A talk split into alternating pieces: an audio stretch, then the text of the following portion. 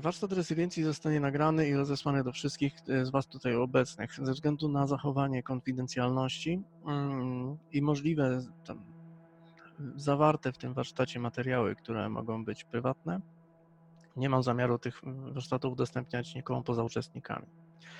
Jeżeli to zrobię, to tylko i wyłącznie w zakresach, których mówię tylko ja i których nie poruszam żadnych tematów związanych z Wami osobiście.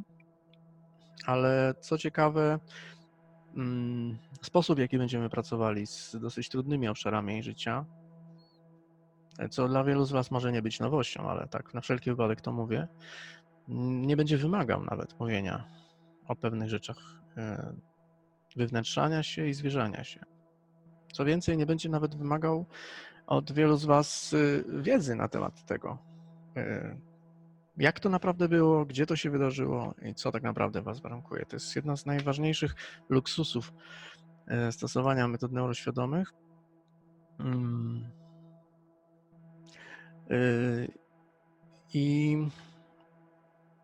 a, tak, dzięki Krystian właśnie zobaczyłem w czacie, to jest już poinformowane i Marta też już swoim no, tutaj naszą obecnością udowadnia, że problemy te minęły. Dobra, to mówiąc jeszcze raz od początku, mm, największa zabawa y, związana z, z, rezyliencją w ogóle, jeśli chodzi o neuroświadomy sposób jej załatwiania, budzenia w sobie, jeszcze mamy Kamilę, proszę bardzo, na nią czekamy polega na tym, że nie musimy jako rozmówcy, czyli osoby, z którymi pracujemy, które, które pracują z innymi, wiedzieć, co się dzieje z osobą. E, nie musimy wiedzieć świadomie, co się dzieje z osobą, która z nami pracuje. Jaki jest jej nasz rzeczywisty problem, jaka jest przyczyna. Załatwia to bardzo potężnie pewnego rodzaju przed, rozdmuchaną odpowiedzialność, którą na przykład w psychoterapii ma terapeuta za to, co odkryje, co rozgrzebie, dlatego że tutaj y, cały proces odbywa się tylko i wyłącznie, nawet często poza świadomością samego uczestnika, ale uwaga, to, że poza świadomością wcale nie oznacza, że poza wpływem. Bo cała robota, która tutaj jest, polega na stopniowym rozwijaniu y, swojej własnej prywatnej komunikacji ze strefą nieświadomą.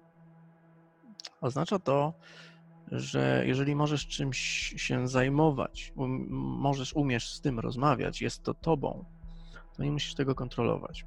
W tym samym zakresie również oznacza, że nie wszystkich rzeczy musisz być w swoim życiu osobą świadomą.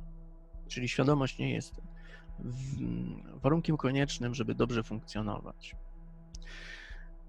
Jedną z najważniejszych tęsknot y, współczesnego człowieka jest tęsknota.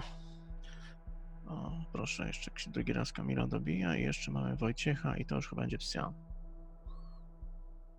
Jedną z najważniejszych tęsknot człowieka współczesnego jest to, żeby nie być na terapii. E, kiedyś jedną z najważniejszych tęsknot było, żeby sobie pozwolić iść na terapię. E, żeby to nie było wstydliwe, żeby móc zostać kimś, kto, kto ma prawo mieć problem, kto nie będzie potraktowany ostra, ostracyzmem jako, jako przypadek psychiatryczny, a nawet jeżeli sięgnie obszarów psychiatrycznych, to nie zostanie przez to wykluczony. Więc y, zostały podnoszone tematy inkluzywności osób. Mm, z czasem się okazało, że jest nas więcej świrniętych niż tak zwanych bezproblemowych. No, tak, raz. Okej. Okay. Jeżeli możecie się właśnie w takim razie wymutować, albowiem y, powoduje to właśnie takie zapętlenia i czasami mamy wrażenie, że, że jesteśmy w pętli czasu. To też jest część terapii, ale tam trochę w innej części tego warsztatu. Jeszcze za wcześnie na to. Czyli y, nieważne jak bardzo inkluzywni byśmy nie byli, aż do stopnia totalnego przyłączenia wszystkich osób i uznania, że każdy jest w jakiś sposób e, porąbany. I, i dzięki temu nie będziemy y, nikogo potępiać, w myśl słów on gadajcie mi zdrowego człowieka psychicznie, a go wyleczę. Pojawia się jednak bardzo ważna y, tęsknota, żeby powrócić znowu do czegoś takiego jak poczucie, że się po prostu żyje, a nie jest się w jakimś procesie, nie zgłębia się jakiś, nie przetrawia się lub nie przepracowuje jakichś aspektów i tak dalej. Nie jest się w momencie integracji. No, jeżeli ten sport jest y, częścią naszego życia, naszej rozrywki, no to s'il. Natomiast w sytuacji, w której mamy wrażenie, że jesteśmy na ciągłej terapii, możemy oczywiście szczęśliwi i dumni z tego być świadomie, ale nieświadomie możemy że znajdować się w takim stopniu najeżenia strategii obronnych, że kiedy e, że przy całej naszej świadomości będziemy coraz trudniejszym dla siebie egzemplarzem i coraz trudniej nam będzie nawiązywać komunikację bezproblemową, a to rzeczywiście odróżnić nasze rzeczywiste problemy od naszych alergii życiowych. Bo jednym z chyba najważniejszych y, stron rezydencji jest to, żeby nie mylić y, alergii z potrzebą. Czyli żeby nie mylić tego, co nam mówi, że chcemy coś skończyć albo z czegoś wyjść, z tym, że chcemy dokądś dotrzeć i coś mieć. W zakresie e, zachowania, które powoduje, że jesteśmy kreatywni sami dla siebie, to są kompletnie dwie różne rzeczy. Natomiast e, będzie to, kilka tych elementów będzie trochę zaskakujący. Cały proces, technicznie rzecz biorąc, będzie dosyć wymagający. W przeciwieństwie do ćwiczeń neuromotorycznych, y, takich, których polegają na tym, że, że się poruszamy, mm, że cały warsztat polega na tym, że leżymy, tu będzie trudno zasnąć. Mm, więc jeżeli nas y, na pewnym etapie wykosi, y, właśnie po to nagrywam ten warsztat, że można było wrócić do niego później i, i wybiórczo potraktować sobą konkretne jakieś elementy, pewne aspekty punkty. I bo macie prawo się wysypać, dlatego że ta praca będzie bardzo intensywna i ze wszystkich neuro yy, tych moich zabawek yy, można powiedzieć, że praca z rezyliencją jest najbardziej wymagająca. Yy, dlatego, że odbywa się w większości przypadkach z udziałem świadomości, natomiast dzieje, ona, dzieje się ona mimo to w bardzo dużym stopniu w nieświadomości, i sednem tego jest nauczenie się komunikowania jednego z drugim. Na razie to brzmi abstrakcyjnie, a za chwilę będzie bardzo konkretnie. Będę się starał dzisiaj yy, zasiać coś, co w Was później będzie funkcjonować i rosnąć całkowicie samodzielnie.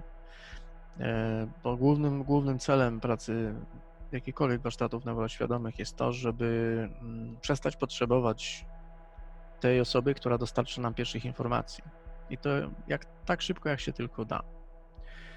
Yy, nie chodzi tutaj o w żaden sposób o przejście na którymkolwiek z etapów, jakiegokolwiek momentu, w którym będzie yy, poczucie, że osoba prowadząca nas w jakiś sposób trzyma na kolanach albo i wcale nie negując potrzeby w niektórych formach terapii wręcz nawet bardzo potrzebnych takich elementów bycia trzymanym, bycia w opiece, bycia yy, zaopiekowanym. Tutaj nie jest to w ogóle potrzebne.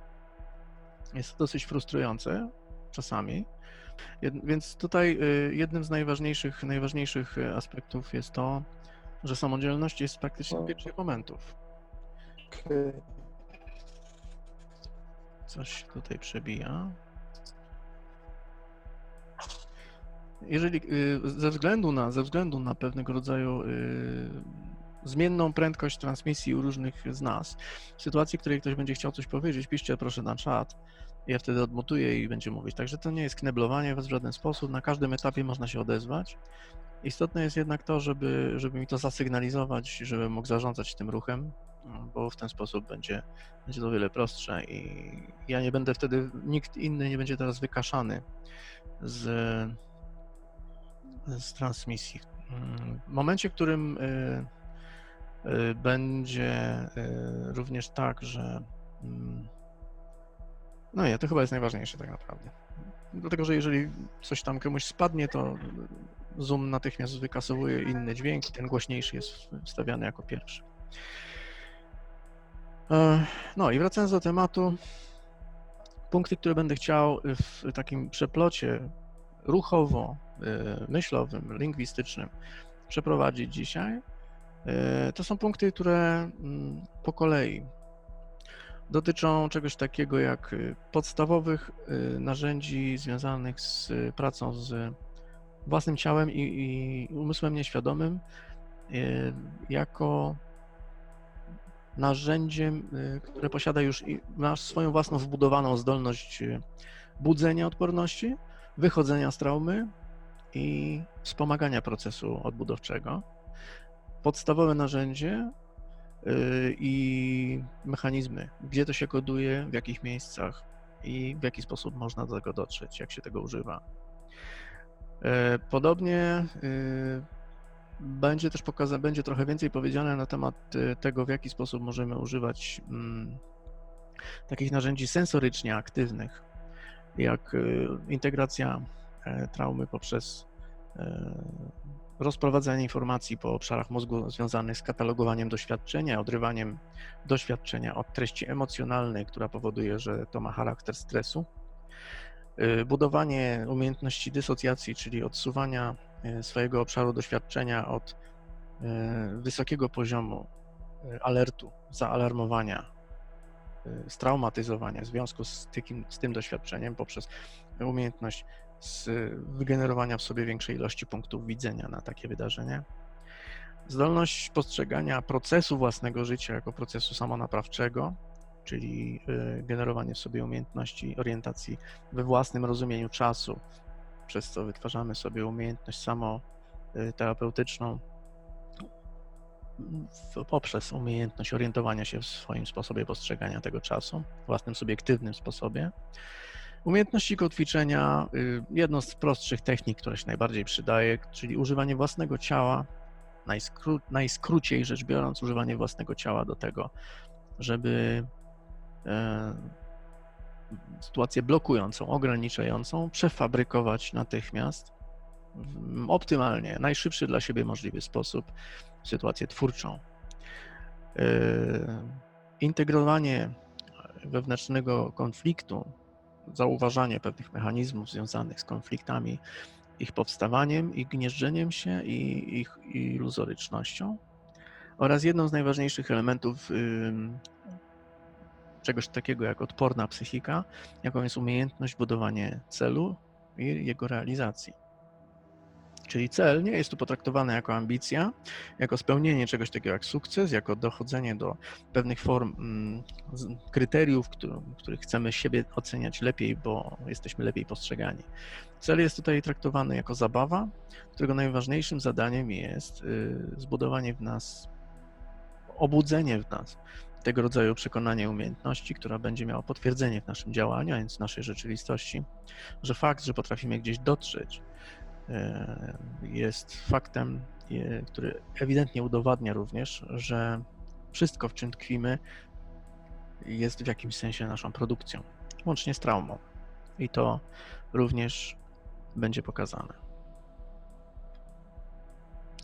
Myślę, że to jest to. Przerwy będziemy robić w bardzo ludzki, humanitarny sposób, taki, żebyście wszyscy mogli wytrzymać. Sytuacji, w której rozmawiacie tutaj ze mną z przeciwnej strony kuli ziemskiej, podejrzewam, że po prostu w pewnej chwili bezpieczniki wysiądą i ja to całkowicie akceptuję. I w związku z tym faktem, no cóż, na to, na to też jestem przygotowany. Jeżeli pojawią się jakiekolwiek pytania, e, demonstrujcie je e, na, na polu tekstowym, który znajduje się obok. Ja będę to widział i będę w stanie również odpowiadać na bieżąco. Dobra. Mm, A więc po kolei. Najpierw będzie trochę przynudzania, ale przyznaję, że to jedna chyba z, z ciekawszych e, form przynudzania, jakie mi się ostatnio przydarzyły. E, Myślę, że w ogóle sposób, w jaki cały ten, ten dzisiejszy proces będzie wykonywany, cała nasza zabawa będzie już, już pewną formą, która dużo mówi na temat tego, gdzie to się gnieździ. Przede wszystkim musimy, y, musimy, potrzebujemy zrozumieć, że y, w jaki sposób działa mózg. Jeśli chodzi o tworzenie mm, doświadczeń, zakresu doświadczeń i wytwarzanie przekonania, że jest tak, jak jest. Żywimy przez jakiś czas y, s- przekonanie, że, że mózg działa na zasadzie y, kojarzenia faktów i tworzenia weryfikacji tych faktów i tworzenia pewnej wizji na podstawie analizy. Używamy do stworzenia tego przekonania części naszego mózgu, bardzo młodej ewolucyjnie, która tak prac nie pracuje. Wykonuje, ewolucyj, wykonuje pewnego rodzaju ewolucję analityczną, ewolucję akrobatyczną wręcz do reszty mózgu i rozwija sobie w ten sposób przekonania. Jednak 90%, jeśli nie więcej, naszego, naszego układu nerwowego, a więc i mózgu, działa na zasadach, które są o wiele starsze i które są o wiele bardziej mm, wprawione w wykonywaniu przetrwania w naszym życiu. Celowo mówię słowo wykonywaniu przetrwania. I ono działa raczej na podstawie tworzenia historii, opowieści. To jest odpowiedź na pytanie, dlaczego tak wiele rzeczy, które tak silnie warunkują naszą tożsamość, jak religię, ideologię, jak y, tożsamość narodowa, jak y, pieniądze, wszystko to posiada pewną formę historii. Przecież nawet na banknocie napisana jest pewna historia. Jest tam napisana pewna opowieść, która łączy się z pewną historią. Tam jest pewna postać, ona też ma swoją historię. Wartość temu przypisana w naszym życiu też posiada pewną historię. E, większość ksiąg, które czytamy po to, żeby mm, zgłębić nauki, które uważamy za duchowe, posiada pewną historię, pewną opowieść. Większość nauczycieli, których lubimy słuchać po to, żeby albo nie, nie cierpimy słuchać, to znaczy, że reagujemy na nich, opowiada historię. Dlatego, że nasz mózg opowiada historię. Zrozumienie tego może bardzo silnie zreformować nasz sposób rozmowy ze sobą. Nie bez powodu yy, najłatwiej jest nawiązać kontakt z dzieckiem właśnie opowiadając mu historię. Naiwnym jest sądzo, sądzić, że musimy dziecku mówić fakty, aby być wobec niego uczciwym.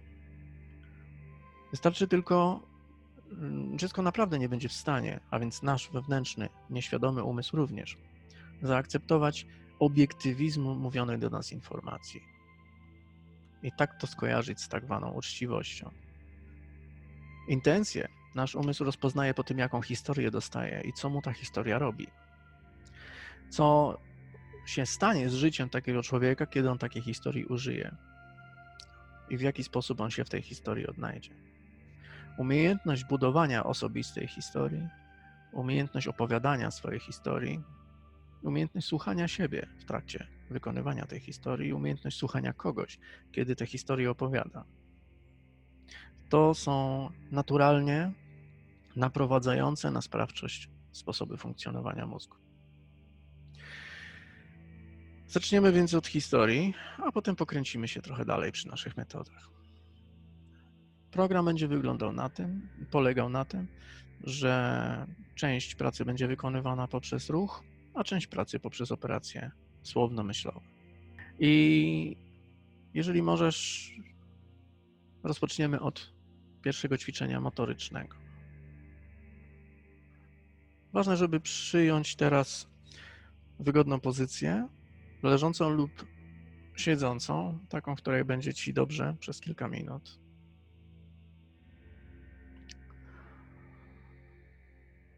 Zadbaj o to, żeby być e, podparty albo podparta i otulona szybkimi tam akcesoriami do, do bycia otulonym.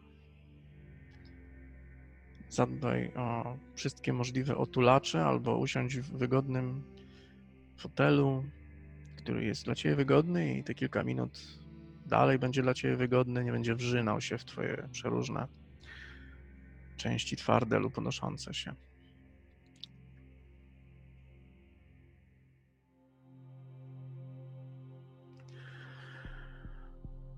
Skup się na e, własnej głowie. Przede wszystkim najpierw zauważ, że masz coś takiego jak czaszkę. Czaszka jest skorupą, która oddziela twoje wnętrze twojej głowy od otoczenia twojej głowy. Od y, powietrza, które jest wokół twojej głowy,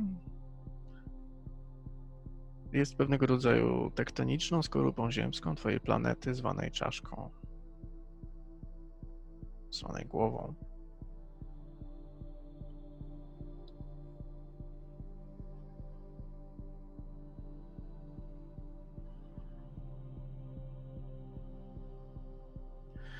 Wyobraź sobie, że bardzo głęboko wewnątrz twojej czaszki, tak mniej więcej e, w takim miejscu, które trochę cię łaskocze, jak mówisz słowo rower. Tam, gdzie Jeszcze jest twój mózg, ale już czujesz, że przełykanie ma na to wpływ. Dokładnie w tym miejscu znajduje się taka mała lampka.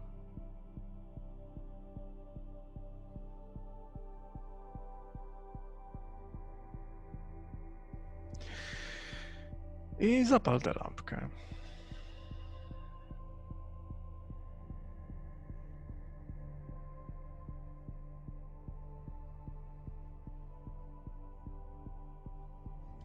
Taka mała jajowata żaróweczka, która znajduje się na wysokości w mózgu, który wibruje, kiedy mówisz słowo ro- rower.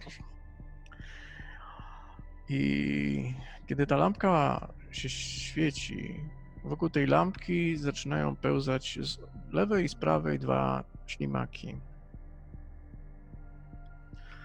W pewnym sensie ślimaki to są takie dziwne stworzenia, które bardzo cenią sobie każdy milimetr przestrzeni, po której pełzają, bo na każdym milimetrze jest coś do jedzenia albo coś do poznania. I ta lampka jest dokładnie wylizywana przez te dwa ślimaki, które sobie tak każdy po swojej stronie tego, tej lampki wewnętrznej twojego mózgu ślizga się.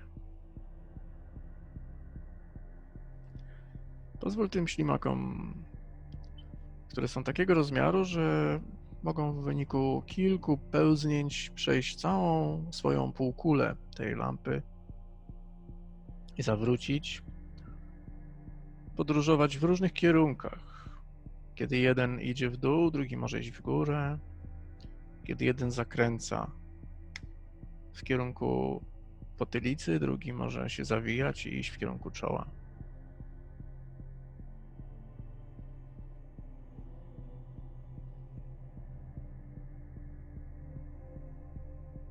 Pobaw się tym. A następnie odpocznij przez chwilę i przenieś swoją uwagę na wewnętrzne ścianki Twojej czaszki. Trochę tak, jakbyś czuł albo czuła, że to akwarium Twojej czaszki ma również ścianki wewnętrzne, i zauważ, że do nich są przyczepione takie glonojady.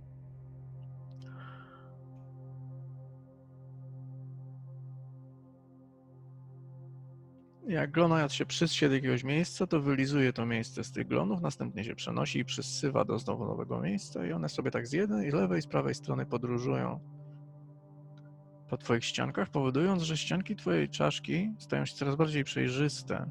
Nie są, nie wycierają się, nie stają się cienkie. Są grube, tak jak lubisz, są tak bezpieczne, jak lubisz, ale stają się coraz bardziej przeźroczyste przez te glonojady, które wylizują dokładnie całą treść, która mogłaby spowodować, że to światło z wewnątrz twojej lampki nie przebija się, ale jednak, ponieważ ślimaki czyszczą tę żarówkę wytrwale, a glonojady czyszczą te ścianki, to światło przedostaje się przez twoją czaszkę i zaczynasz świecić tą lampką na zewnątrz.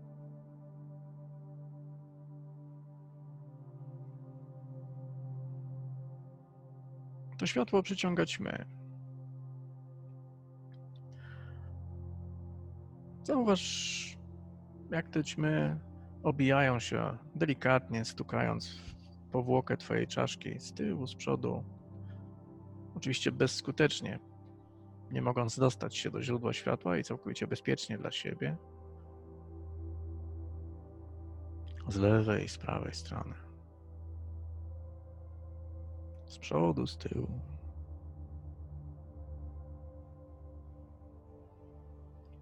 I pozwól temu odczuciu wchłonąć się w całość tego wrażenia. Zobacz, co ci wydaje się najsilniejszym wrażeniem. Czy te ślimaki na tej wewnętrznej lampce, czy te glonojady na ściankach od środka, czy te ćmy stukające od zewnątrz.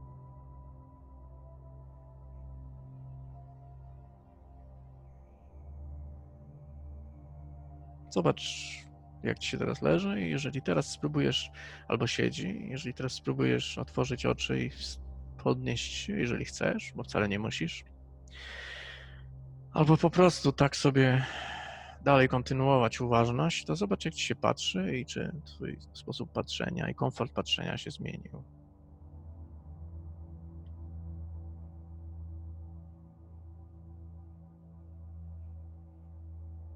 No Dobrze. Myślę, że to jest dobry moment, żeby tę historię też tutaj przerwać, dlatego że ona zostanie dokończona trochę później. Myślę, że będzie na to miejsce i czas. I to jest też dobry moment, żeby y, opowiedzieć o podstawach narzędzi, które są niezbędne do tego, żeby budować coś takiego jak odporność. Ogólnie rzecz biorąc, rezyliencję, odporność psychiczna. To ćwiczenie motoryczne, którym się zajmowaliśmy na początku, jest z, jedno z y, ćwiczeń y, takich najbardziej, można powiedzieć, feldenkraisowych do obudzenia mm, komunikacji z najstarszą strukturą mózgową, która odpowiedzialna jest za y, naszą zdolność do budowania odporności, ale również jest tym systemem, że było zabawniej, który jest szczególnie odpowiedzialny za wytwarzanie traumy. Czyli znów, genetycznie rzecz biorąc, neurologicznie nasza zdolność wytwarzania traumy mieszka w tym samym miejscu, w którym jest zdolność do wytwarzania odporności. Mózg w samym środku posiada bardzo y, starą strukturę ewolucyjną, y, która działa na zasadzie praktycznie kompletnej braku kontroli naszej świadomości. Nazywa się to ciało migdałowate i to jest struktura, która siedzi tak mniej więcej w samym, praktycznie w centrum naszego ciała e, mózgowego. Jego głównym zadaniem jest y, wytwarzać zaalarmowanie systemu, ilekroć system uważa, że dzieje się coś doniosłego dla naszego przetrwania. Dzieje się to w sytuacjach, w których mamy do czynienia albo z czymś, co zagraża, albo z czymś, co jest seksowne, czyli ma wpływ na nasze przetrwanie gatunku, albo z czymś, co jest związane z E, czymś, czego możemy pożądać, a więc y, po to, żeby wzmocnić własne ciało, a więc jakąś przyjemnością, najchętniej i najczęściej mm, mającą konotację z y, uczuciem smaku i zapachu, czyli związane z żywnością. I tak, my, mycie zębów z glonojadami i ślimakami będzie może być bardzo ciekawe. Swoją drogą bardzo ciekawa antycypacja i, i, i bardzo proszę wyjść z mojej głowy. Okej. Okay. Mm. No więc lampka, która się zapalała, to jest nasze ciało migdałowate i ono odpowiada przede wszystkim za sygnał, który mówi uruchomić neurochemię, uruchomić hormony strachu, uruchomić hormony stresu, uruchomić hormony przyjemności, uruchomić hormony ciekawości. Ciekawość jest również, żeby było ciekawie, jedną z podstawowych emocji ewolucyjnie rozwiniętych w nas na zwierzęcym poziomie, uznaną za strategiczną. E, nazywam emocją, e, ciekawość emocją, ciekawe, prawda? Do tego, byśmy przetrwali. Dzieje się to tak, ponieważ jak już zbadano, istoty, które ciekawością wykazują się większą, nawet jeśli narażają się na więcej, mają większe szanse nauczenia się czegoś, co spowoduje, że mniej rzeczy ich zaskakuje. Co powoduje, że i tak eskaluje to w kierunku odkrywania rzeczy, które mogłyby ich znowu zaskoczyć, a więc ciekawości, przez co uczą się jeszcze bardziej, jeszcze bardziej, jeszcze bardziej. Proces starzenia się na poziomie neurologicznym bardzo często związany jest z zaprzestaniem procesu uczenia się, ograniczaniem się do stopni coraz, coraz bardziej wyżłobionych kolejn naszego postrzegania uczenia się i chodzenia i co najważniejsze, wygaszaniem ciekawości. A więc zmierzanie w kierunku tego, co my nazywamy wyłączaniem sprawności stopniowym, aż dochodzimy do takiego punktu, że poruszamy się tylko tramwaj po torach w tył i przód. Każdy możliwy zakręt lub dewiacja powoduje w nas y, szok i włącza się stres. Stres natomiast y, w swojej esencji jest y, oczywiście na zdrowym poziomie tym, co również ratuje nam życie. Stres jest tym, co my wytwarzamy, a nie tym, co jest nam robione. Wytwarzamy w ciele migdałowatym stres po to, żeby przetrwać. Podobnie jak wytwarzamy strach, podobnie, podobnie jak wytwarzamy mm, gniew, podobnie jak wytwarzamy pożądanie, jak wytwarzamy ciekawość. Wszystkie te elementy są ze sobą powiązane. Wokół ciała migdałowatego znajduje się jeszcze dwupółkulowa struktura, która była symbolizowana przez te ślimaki wewnętrzne, którego głównym zadaniem jest kodowanie faktów opowieści powiązanych z tą emocją, z tymi alarmami, które wszczyna ciało migdałowate i ono działa jak GPS, ponieważ hipokamp, bo tak się nazywa ta ślimakowata struktura, e, która jest e, zawinięta dwupółkulowo wewnątrz mózgu, wokół ciała migdałowatego, jest odpowiedzialny za, e, za wytwarzanie tego rodzaju wspomnień, które głównym zadaniem jest uwiarygadnianie reakcji których zadaniem jest powodować, że, będziemy że możemy przetrwać. Natomiast jeżeli ta reakcja jest zbyt intensywnie zakodowana i nie została przeniesiona w dalsze obszary mózgu, o czym będziemy dalej zresztą mówić, to te informacje, te pliki zostają recyklingowane wewnątrz we małej struktury hipokampa, przez co zaczynają się praktycznie uszkadzać i Żyjemy w coraz bardziej chronicyzującym się stresie, czyli przeżywamy stany emocjonalne, które już dawno są oderwane od faktycznego zagrożenia. I to jest odpowiedź na pytanie, dlaczego boimy się na zapas, dlaczego boimy się w sytuacjach, w których e, nie potrzebujemy się już bać. Dlaczego boimy się zmian? Czemu gaśnie nasza ciekawość? Czemu gaśnie nasze pożądanie? Czemu gasną, gasną pewne pozytywne aspekty e, rozwoju ewolucyjnego, a dominuje aspekt ostrożności i jesteśmy w chronicznym stresie? Dzieje się tak, ponieważ nie przedostaliśmy tego wydarzenia z jakiegoś powodu, nie mieliśmy na to czasu, system nie miał czasu, a więc pozostaje na tym poziomie samopomocy, na jakim uważa, że jest najbezpieczniej, recyklingując stres, i utrzymując nas w stanie gotowości do ucieczki albo do walki. Co oczywiście na dłuższą metę jest samo wyniszczające. E, jak sobie z tym poradzić? O tym będziemy mówić dzisiaj właśnie. E, natomiast, y, co ciekawe, sam proces y, rodzenia się tego rodzaju mechanizmu wewnątrz hipokampa działa jak GPS. Dlaczego GPS? Dlatego, że Zarówno procesy angażujące ciekawość, pożądanie, jak i strach dzieją się w skojarzeniu czasoprzestrzennym. Są pewną historią, są pewną opowieścią. Dowodem na to jest to na przykład, że y, kiedy bardzo czymś się zajmujemy, jesteśmy bardzo zaangażowani w jakiś proces myślowy i potrzebując jakiejś rzeczy, żeby coś dokończyć, wyjdziemy do innego pomieszczenia, hipokamp zamyka ten plik, bo stwierdza, że skoro przemieszczamy się, to zamykamy tę pracę. I często stojąc w nowym miejscu, zapominamy po co przyszliśmy. I musimy cofnąć się z powrotem do tamtego, gdzie byliśmy, żeby, ach, tak jest, no właśnie. I teraz często no, wymaga to od nas zapisania sobie tego albo specjalnego wysiłku mentalnego, żeby zapamiętać. To jest całkowicie naturalne. Nie dzieje się z nami nic złego, nie, nie wpadamy w demencję, nie, nie mamy sklerozy. Jesteśmy zdrowymi psychicznie jednostkami, których hipokamp działa całkowicie przewidywalnie. Więc o tym tylko trzeba pamiętać. Kiedy wychodzimy z pewnego obszaru, który hipokamp uznaje za pewną zamkniętą strefę czasoprzestrzenną, żeby było zabawniej, badano istoty ludzkie i nieludzkie kwestii poruszania się, badania terytorium, e, w jaki sposób hipokamp uczy e, nas obsługi siebie w przestrzeni. I e, jest to kilka metrów wokół nas, i żeby było zabawniej w kształcie chyba podejrzewam heks, y, plastra miodu. tak to wygląda.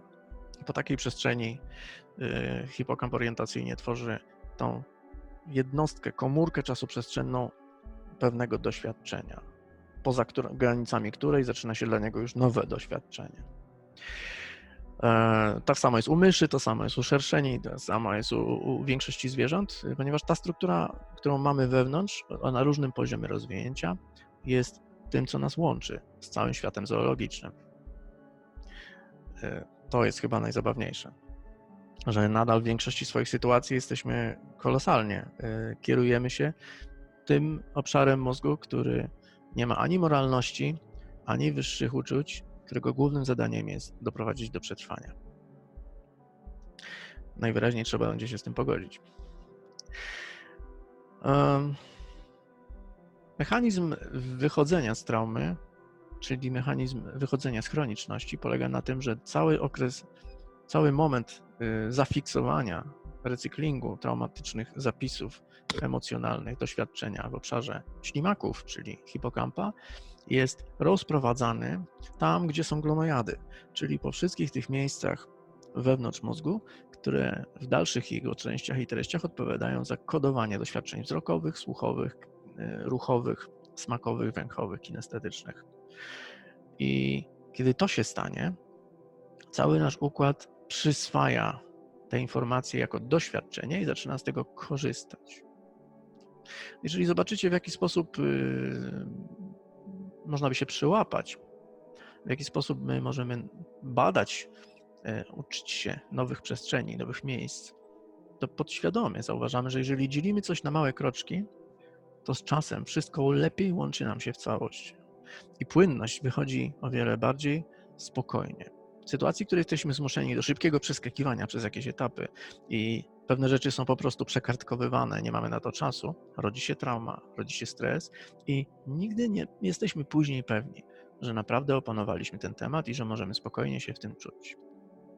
Małe kroczki nie bez powodu są małe, dlatego że cały nasz system wewnętrzny, hipokampa z ciałem migdałowatym wymaga etapowego i stopniowego, zamkniętego w pewną niewielką przestrzeń, czasoprzestrzeń, przestrzeń czasoprzestrzenną, zgłębiania i trawienia informacji, poruszania się, poznania przestrzeni tego plastra miodu na tym zakresie, jaki uznajemy na dziś za przestrzeń, którą ogarniamy, a więc to jest ta minimalna kuweta. Potem przeskakujemy na następną kratkę, na następny plasterek. Tak to działa. Jedną z kolejnych y, istotnych elementów y, czegoś takiego jak chroniczność, i to też jest istotne, y, jest przekonanie, że trauma lub doświadczenie ciężkie jest tym, co się ma. Depresja jest tym, co się ma. Wewnętrzne zranione dziecko jest tym, co się ma. Nadajemy temu status rzeczowy. W tej historii ta trudność zostaje uprzedmiotowiona lub upodmiotowiona, ale na pewno jest jakimś prezentem, który najwyraźniej ktoś nam sprzedał, albo sami sobie sprzedaliśmy i teraz trudno się tego pozbyć. Jest jak bumerang. Im mocniej rzucam, tym bardziej wracam. Dzieje się tak, ponieważ y, częścią chronicznego nastawienia przedłużającego się stresu jest przekonanie, że to jest przedmiot, że trauma jest rzeczą. Wyjście z chroniczności polega na tym, że sobie uświadamiamy, że trauma jest robiona. Tym się różni ofiara od producenta. Ofiara ma traumę, producent ją robi. Więc nie oznacza, że nie istnieje trauma w jego życiu, oznacza to, że on zgłębia własny proces produkcji, dowiaduje się, dlaczego chce ją robić i dzięki temu uzyskuje opcję, gdzie może mieć wybór, czy chce ją dalej produkować. Żeby to zrozumieć, yy, istotne jest, żebyśmy mniej więcej zrozumieli, w jaki sposób yy, możemy wytworzyć sobie tak zwaną szerszą perspektywę na to, jaki,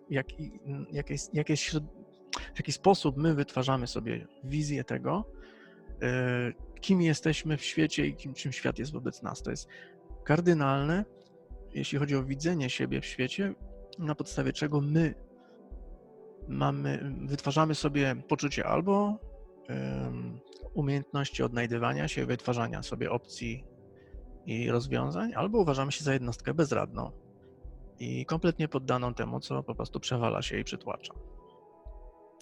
Te poziomy wyglądają mniej więcej tak jak y, góra lodowa i y, na samym początku widać najbardziej powierzchniowe struktury, i pierwszym z tych poziomów jest, e, jest środowisko. A więc jeżeli chcemy wytworzyć zmianę, pierwszą reakcją jest najpierw zaatakować środowisko, zmienić je. Albo się wyprowadzić. To jest często najbardziej instynktowna reakcja. E, często mówi się, prawda, no, jesteśmy wściekli na coś takiego jak lockdown, więc no co, idziemy protestować pod Sejm. Nie krytykuję teraz, nie, nie próbuję w żaden sposób robić y, ża żadnej drwiny z nikogo, ani też przeciwstawiać pewnych rzeczy. po prostu mówię, że pierwszą reakcją mechanizmu e, powierzchniowo traktowania e, swojej sytuacji jest zaatakować środowisko. Mam problem w rodzinie, więc zmieniam rodzinę. Mam problem, mm, i uwaga, w tym nie ma nic złego. Jest to pewien poziom zrozumienia własnej sytuacji. Penetruję środowisko i sprawdzam, w jakim stopniu ono warunkuje mnie, w moim przekonaniu. Kiedy się trochę głębiej przyjrzymy, widzimy jednak, że środowisko wytwarzane jest jednak przez pewnego rodzaju zachowania. W środowisku zachowania są tym, co powodują, że ono istnieje. Więc sprawdzam, w jakim stopniu zmiany moich zachowań mogą zmienić moje istnienie w tym środowisku i w jakim stopniu ta zmiana środowiska jest niezbędna, w jakim stopniu można je uniknąć. Zachowania są drugim poziomem, ale jeszcze na poziomie, na, na, na wysokości ponad poziomem morza. Dlatego, że w pewnym sensie można też zacząć próbować zmieniać zachowania innych yy, i traktować tylko trochę bardziej za mm, głębszy, bardziej pedagogiczny sposób nacisku na środowisko. Zamiast powiedzieć, yy, nienawidzę cię, prawda, i spadaj stąd, albo, albo ja stąd spadam, można powiedzieć, yy, czy mógłbyś zmienić swoje zachowania, albowiem mnie ranisz. To jest ten poziom, który jeszcze widzimy pewne rzeczy na, na poziomie ponadwodnym. No ale gdyby się jeszcze głębiej przyjrzeć zachowaniom, można by zauważyć, że pod nimi znajduje się coś takiego jak zdolności, ponieważ to, co wytwarzamy w sobie jako poczucie sprawczości, zdolności, kompetencji, ma bezpośredni wpływ na to, jakie zachowania generujemy. I tu powoli coraz bardziej, bo to już jest praktycznie nad lustrem wody, zaczynamy się zastanawiać, czy przypadkiem większość tego rodzaju mechanizmów nie zależy ode mnie. W jakim stopniu ja się czuję i co się dzieje w moim świecie. Czyli w jakim stopniu moje uczucie, moje poczucie mm, generowania własnych kompetencji i wpływu na to nie ma związku z tym, czy bardziej lub mniej oczekuję, że inni mi coś zapewnią. I no cóż, nowe umiejętności to też nowe y, zachowania, nowe zachowania to nowe środowisko, nawet jeżeli nie zmieniamy tego terytorialnie. No ale gdyby jeszcze głębiej się przyjrzeć, już powoli zanurzyć się pod powierzchnię wody, to możemy zauważyć, że mm, tam pod tymi naszymi zdolnościami, kompetencjami i talentami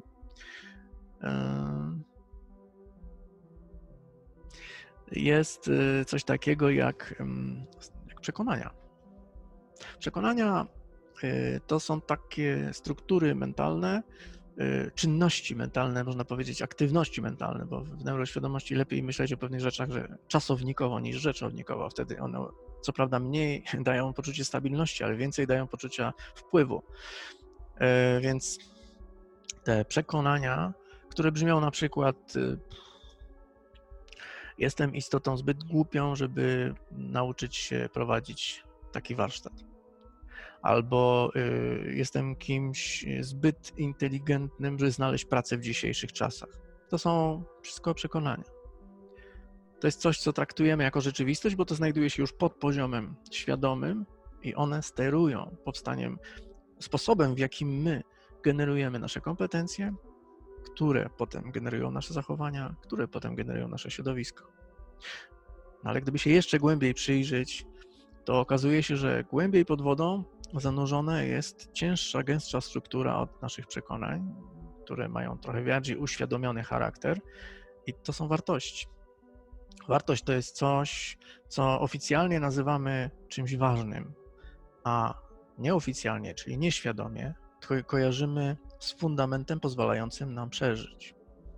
Jeżeli stwierdzimy, wartości to, mm, to nie są potrzeby, wartości to są czynności mentalne, które czynimy w naszym życiu hiper, powodujemy, że atak na nie jest dla nas tożsamy z y, pewną formą samobójstwa.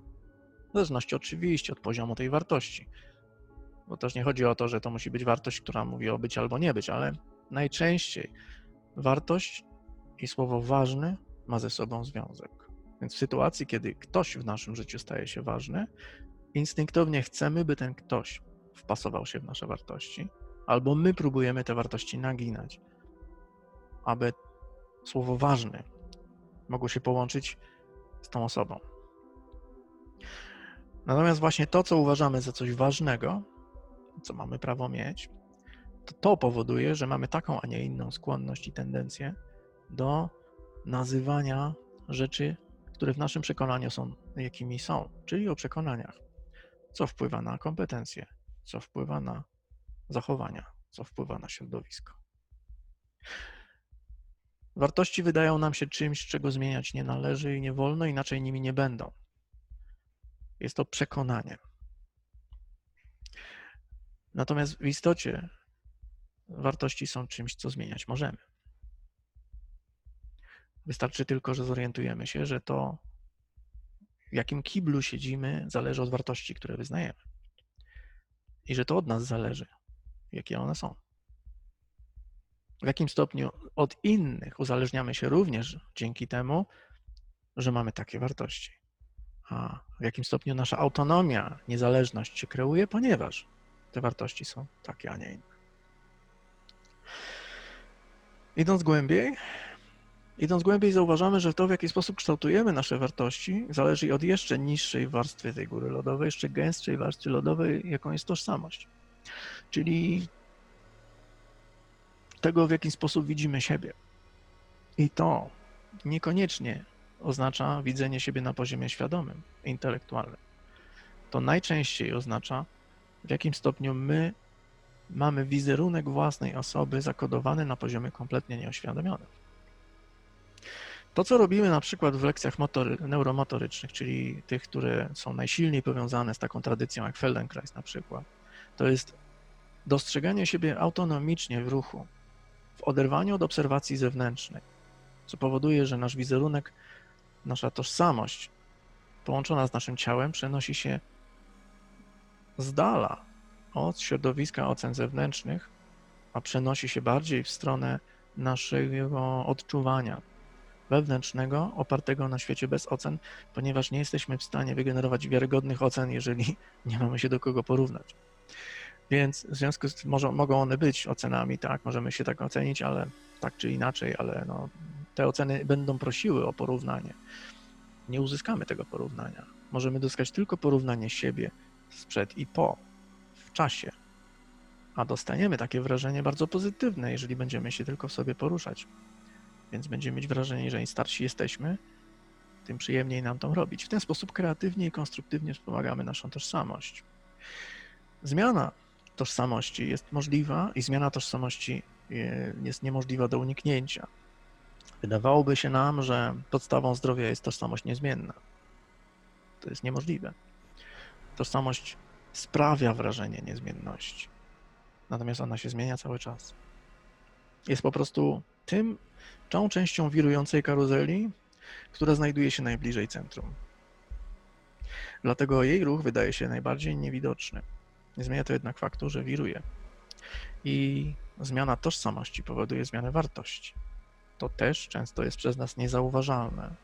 Żeby było zabawniej, nawet kiedy się zamykamy, zasklepiamy i starzejemy, co jest odwracalne według neuroświadomości, przynajmniej jeśli chodzi o obszar mentalny, to nawet wtedy nasze wartości ulegają zmianom, nawet wtedy nasza tożsamość ulega zmianom. Różnica polega tylko na tym, że my tego nie akceptujemy i że unikamy kontaktu z tą informacją. No ale jeżeli spojrzeć jeszcze głębiej, okazuje się, że tożsamość nie jest ostateczna, ponieważ gdzieś w tym wszystkim jest coś, co y, jest bardzo intymne, strasznie prywatne i on jest, jest kompletnie niepowtarzalne. Bardzo staramy się to ujednolicić, y, aby się z tym stopić z jakimś większym stadem. Natomiast jest to dosyć trudne dlatego że to jest ten obszar, który nazywamy najoględniej duchowym, który wymykając się wszelkim religijnym próbom definicji, jest po prostu chęcią zobaczenia, mm, jak częścią jakiej przestrzeni jesteśmy, czyli z czym my jesteśmy połączeni.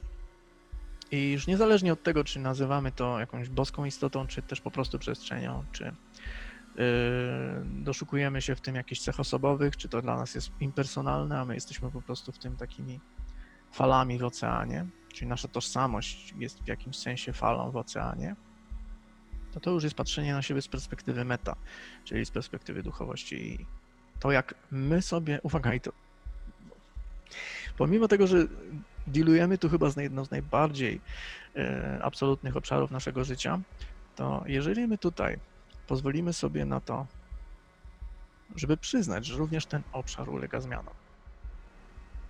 Że również tu możemy wszystko zmienić. I że również możemy to zrobić dla siebie dobry sposób. Ponieważ nieograniczona przestrzeń nie może być skrzywdzona przez fakt, że my zmieniamy do niej nastawienie. Nie może się obrazić, nie może nas odrzucić, chy- chyba że tego zechcemy. Więc jeżeli coś jest nieograniczone i wszechogarniające, a my w tym wszystkim jesteśmy potencjałem wyrazu, no to trudno to w jakikolwiek sposób uszkodzić faktem, że zdecydujemy tak to widzieć. A sposób, w jaki my to zdecydujemy się widzieć, warunkuje sposób, w jaki widzimy siebie jako tożsamość. To wpływa na to, w jaki sposób budujemy nasze wartości. To ma z kolei wpływ na to, w jaki sposób budujemy przekonania, a więc to, jak siebie widzimy, jak siebie definiujemy, jak definiujemy świat i jak z niego korzystamy. A to znowu ma wpływ na wszystko, co znajduje się na zewnątrz, co próbujemy zmienić inżynierią i wysiłkiem, czyli kompetencje, zachowania i środowisko. Tak mniej więcej wygląda cała drabina mm, spojrzenia z punktu neuroświadomego na większość przyczyn kreowania się nieporozumień, dzięki którym e, robimy sytuacje traumatyczne i pozostajemy w chroniczności. Chroniczność jest y, przywiązaniem się nas do strategii obronnej, która stała się już samouszkadzająca. Objawia się to tym, że żywimy stałe i powtarzające się przekonanie, że musimy pozostawać w ciągłym stanie pobudzenia emocjonalnego z tymi emocjami, z tymi formami skojarzeń, które kiedyś nas obroniły i my już chyba nawet o tym nie pamiętamy.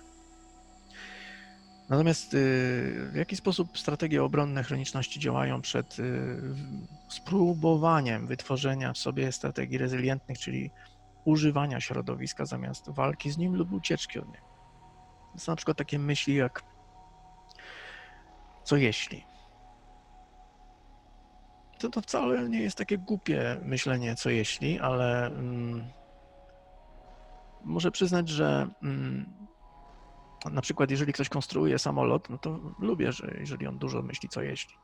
Dlatego, że no, w sytuacjach, w których będą turbulencje albo skrzydła zaczną odpadać, prawda, no to tak wolałbym mimo wszystko, żeby to zostało przewidziane przez takiego inżyniera. No to tam myślenie, co jeśli się przydaje. Natomiast w kolosalnej ilości sytuacji, jeżeli to przenosimy na takie grunty jak partnerstwo, jak używanie siebie, jak przyjemności, jak y, wstawanie rano, jak dobieranie diety, jak y, relacje z innymi. Jeżeli zadajemy sobie zawsze pytanie, co jeśli, to uruchamiamy taką część naszej wolności kreatywnej, która nas kieruje w stronę spełnienia tego scenariusza i dostosowania nas do wyławiania z całego bogactwa percepcji tych rzeczy, które potwierdzą nam tę generowaną przez nas obawę. Więc e, co jeśli jest jedną z e, strategii myślowych, która e, jest dowodem na to, że jesteśmy nieograniczenie kreatywni we wszystkich kierunkach, natomiast wybieramy jeden, zawężając go coraz bardziej do coraz bardziej osaczających scenariuszy, w przekonaniu, że jest najbardziej wiarygodny. Drugą strategią chroniczności jest kreowanie poczucia bycia niesprawiedliwie potraktowanym przez życie. Poczucie niesprawiedliwości dziejowej, dlaczego akurat ja? Czemu ja? Jest niczym innym jak strategią chroniczności. I tu znów, jeśli wytworzymy w sobie odruch traktowania tego jak prawdy obiektywnej, nie będziemy w stanie wiele zmienić. Jeżeli zaczniemy traktować, zgłębiając pewne metody, takie jak tu będziemy, jak już zaczynamy omawiać, zgłębiać strategię osobistą wytwarzania w sobie tego przekonania, dotarcia do tego, że ja wytwarzam wizję świata, w którym istnieje pewna sprawiedliwość oraz niesprawiedliwość, oraz że ja podlegam tej drugiej, to ważną informacją jest stwierdzenie, że to jest mój produkt, że ja wytwarzam taki system wartości i przekonań, który powoduje, że utrzymuję się w przekonaniu, że jestem potraktowany niezgodnie ze sprawiedliwością i że istnieje pewien obiektywny system, który powinien to zweryfikować i tego cholera nie robi, bo świat jest do dupy. Krótko. Trzecia strategia y, jest y, podważanie swojej własnej zdolności do czucia się dobrze. Tak, przerobiliśmy to trochę. No i, i, i, i po, tym, po tej pracy to może się poczułem lepiej, ale, a może nie. To jest y, również czynność. To jest również strategia podważająca moją własną umiejętność czucia się dobrze.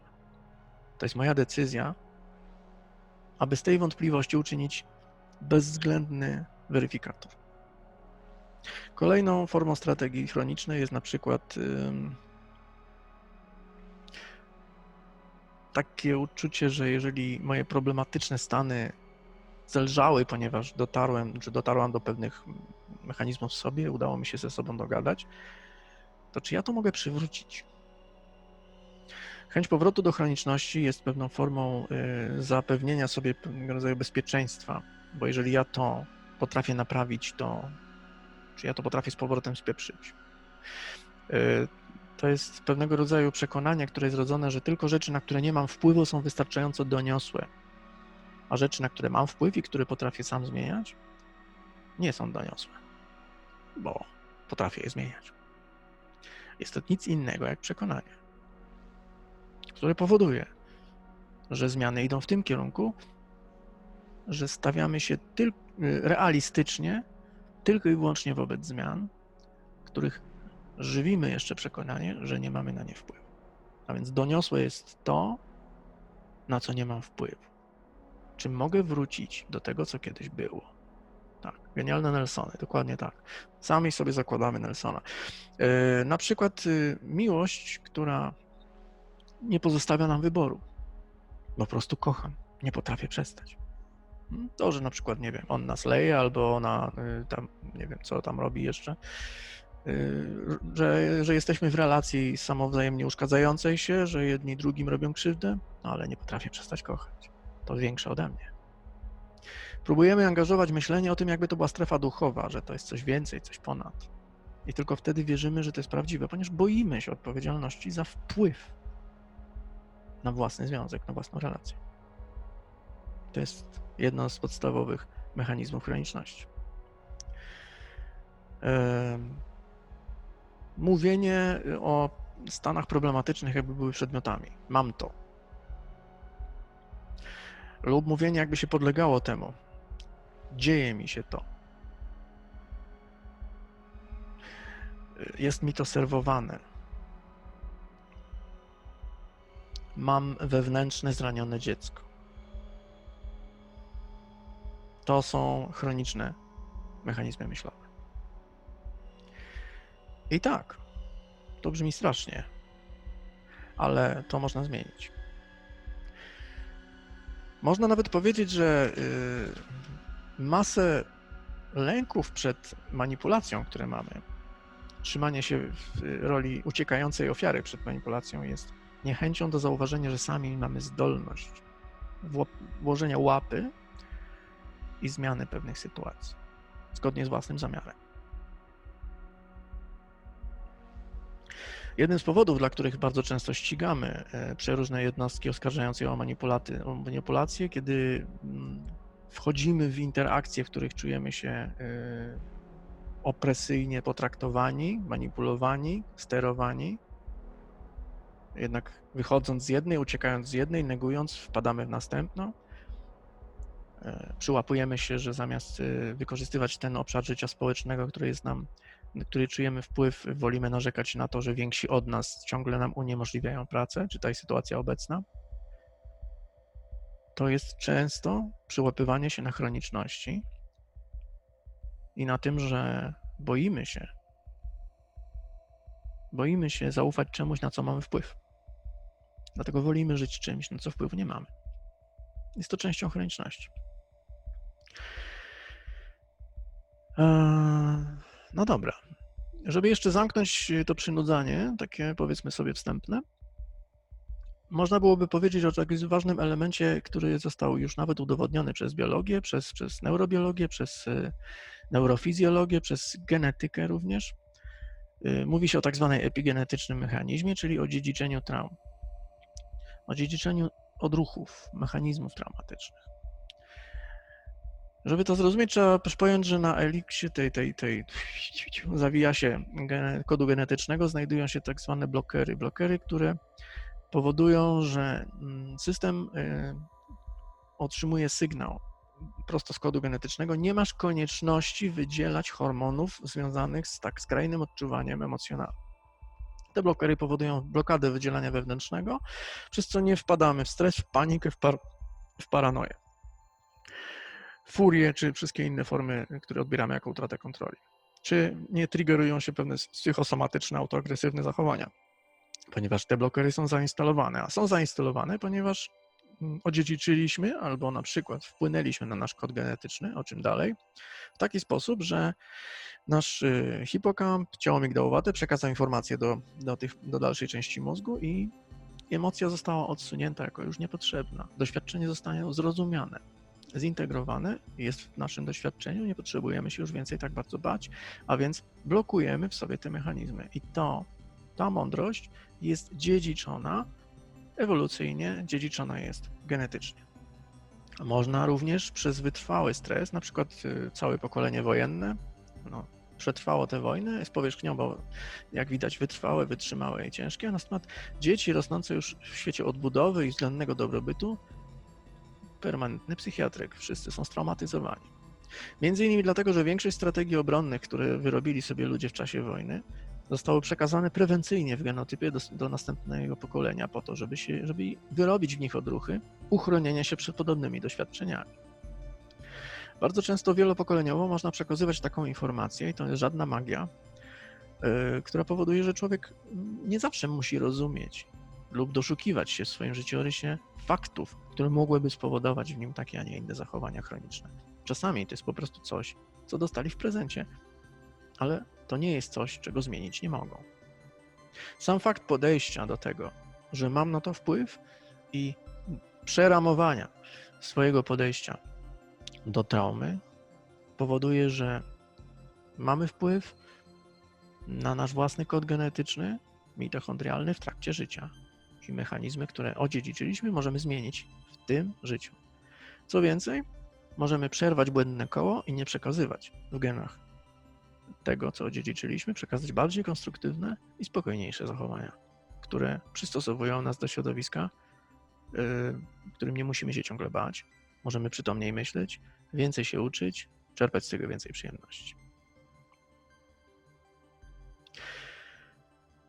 OK. Myślę, że zrobimy sobie teraz 5 minut przerwy, a potem rozpoczniemy od y, ćwiczenia rozpoczynającego podstawowe narzędzia, czyli pojedziemy już konkretnymi instrumentami. Widzimy się, powiedzmy, że jest 12.20 naciągana, czyli 12.25 polskiego czasu.